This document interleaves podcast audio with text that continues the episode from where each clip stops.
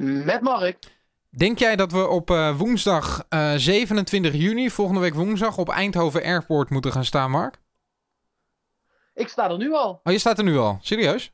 Ja hoor. nee. Staat gewoon te posten totdat uh, de, de, de Boeing uit Rusland met de staf van Australië daar aankomt. Ehm, want ja, ik, ik denk dat ze na dinsdag 26 juni, wanneer ze nog tegen Peru spelen, dat het daarna wel afgelopen is. Het is te warm hier. Hey, hey Klim, hey. Ja, het is warm hier. Het is snikheet.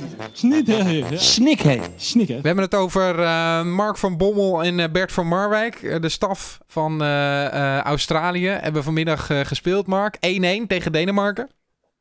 Ja, ja, ze waren wel echt beter overigens dan Denemarken. Ze hadden eigenlijk moeten winnen. Maar ja, dat deden ze niet. Nee. Dus ja, ze, ze, de kans is zeg maar nog 1% begreep ik dat ze doorgaan. Ja, zij zouden moeten winnen van, uh, van Peru.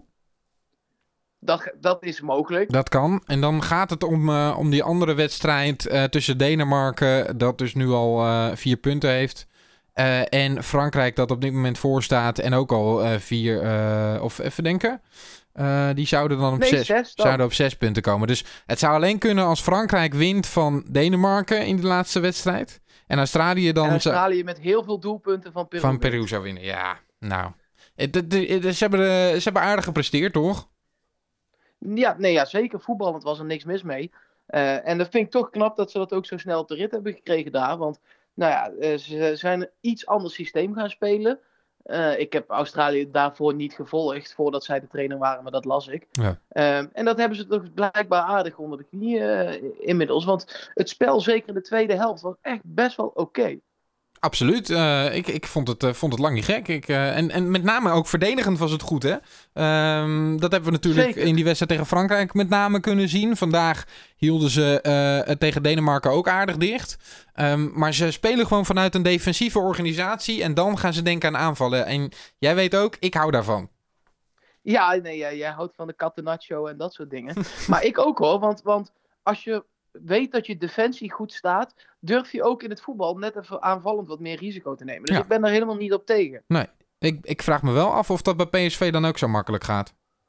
D- dat zullen we moeten gaan meemaken. Want ja, het is nu inmiddels eh, toch echt wel bijna zeker ook weer dat Cocu gaat. Want we hebben nu het bericht gekregen, las ik overal ook, eh, dat er binnenkort een persconferentie is. En dat zou misschien dan vandaag al zijn, Ja. maar eh, morgen Vandaag zou ook nog kunnen. Nee, nee ik heb Nee, begrepen dat het vandaag in ieder geval niet is.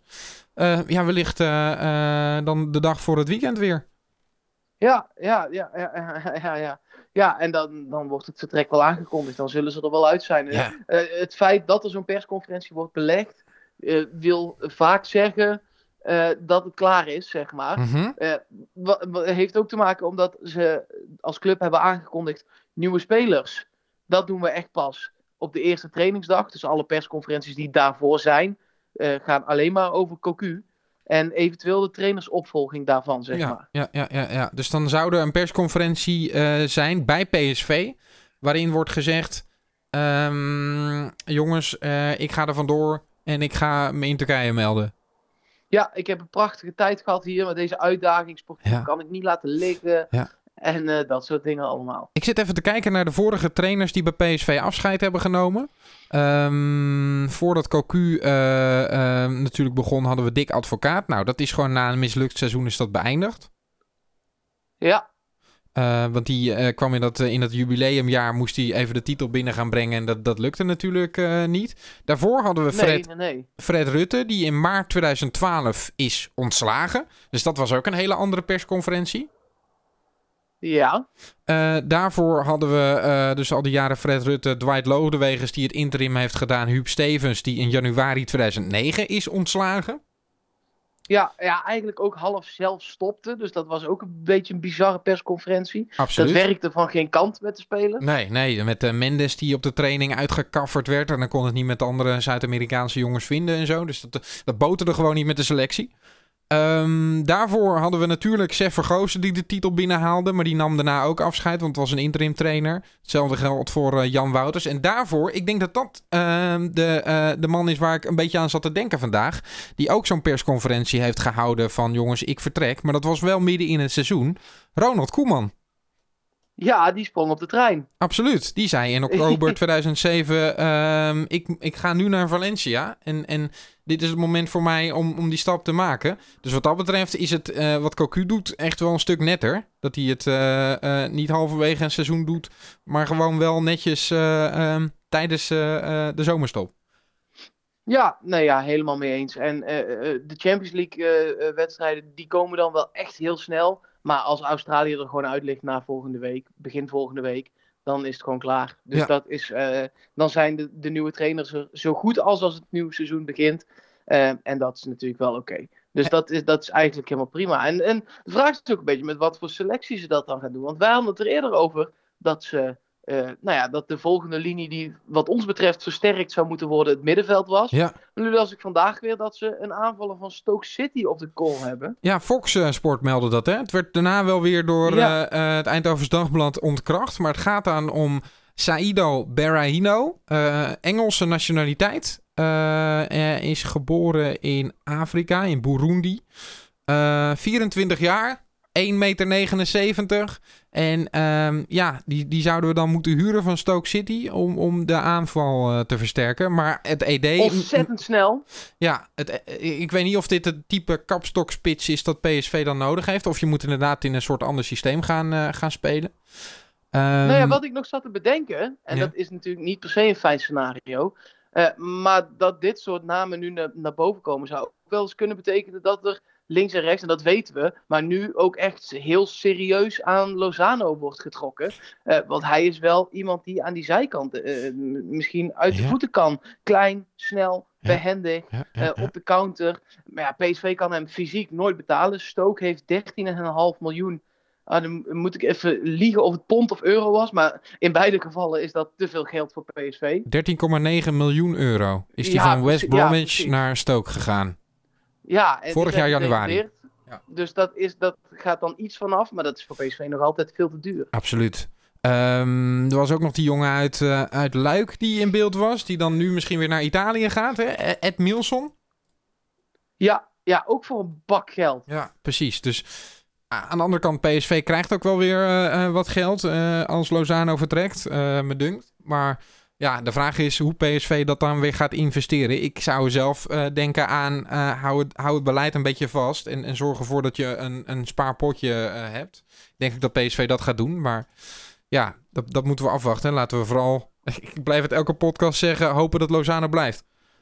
Ja, nee, ja, ja, als wij het alvast gewoon elke dag roepen, dan gebeurt dat vast. Maar het ED zegt uh, dat deze jongen niet in beeld zou zijn, omdat PSV toch wel probeert om Luc de Jong uh, uh, langer aan zich te binden. En dat dat dan wel de puntspeler zou moeten blijven bij PSV. Waarbij Romero, want dat, is, dat is degene die PSV voor heel veel geld heeft gehaald, dat die dan rustig gebracht kan worden, maar dat daar niet gelijk de druk op staat van oké, jij bent basisspeler. Nee, precies. En ik zat ook te kijken, er hadden een aantal mensen op Twitter hun favoriete opstelling al voor, volgend seizoen met de spelers die er nu zijn. En nou ja, dat was middenveld met uh, Pereiro, Hendricks uh, en Mauro Junior. Of Ramselaar in sommige gevallen. Uh, maar voorin Bergwijn, Lozano, Luc de Jong. Hè, voor wat er nu is, uh, op doel Zoet of Rome of een keeper die dan eventueel nog komt. Ja. Maar dan met Dumfries, Angelino, viergever, Swaap. Ja, dat is, niet, dat is ook niet slecht natuurlijk. Nee, nee, nee, het gaat er wel om dat je ook nog een beetje backups kunt uh, hebben. Want PSV gaat een Europees seizoen spelen, dat weten we nu. Um... Nee, zeker. En er moet gewoon een middenvelder bij. Hè? De, de, de, en, en, het liefst een basisspeler, ja. want Van Kinkel is vertrokken. Ja. Dus daar moet wel echt nog in mijn hoofd ook een vervanger voor komen. Ja. Ja. Maar ja, die liggen ook niet voor het oprapen. Absoluut niet. Dus ik denk dat het middenveld nog steeds de linie blijft waar PSV uh, het, het drukst achter de schermen uh, aan werkt. En, en dat we daar binnenkort uh, wel nieuws over mogen verwachten. Wie dan degene wordt die het middenveld zou gaan versterken. Of dat Mason Mount is of Van Ginkel, dat gaan we zien. Toch? Ja, ja precies. Nog één klein WK-dingetje.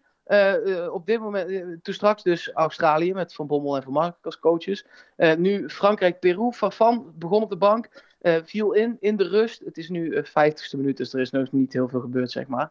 Eh, maar hij dus ook wel weer een helftje bij Peru. Het is toch leuk om die oud-PSV'ers te volgen. Ja, het, het, verbaasde mij dat hij niet vanaf het begin stond. Want het wordt daar toch wel als een grote speler gezien. Maar ze hebben nu toch die Guerrero uh, vanaf het begin opgesteld.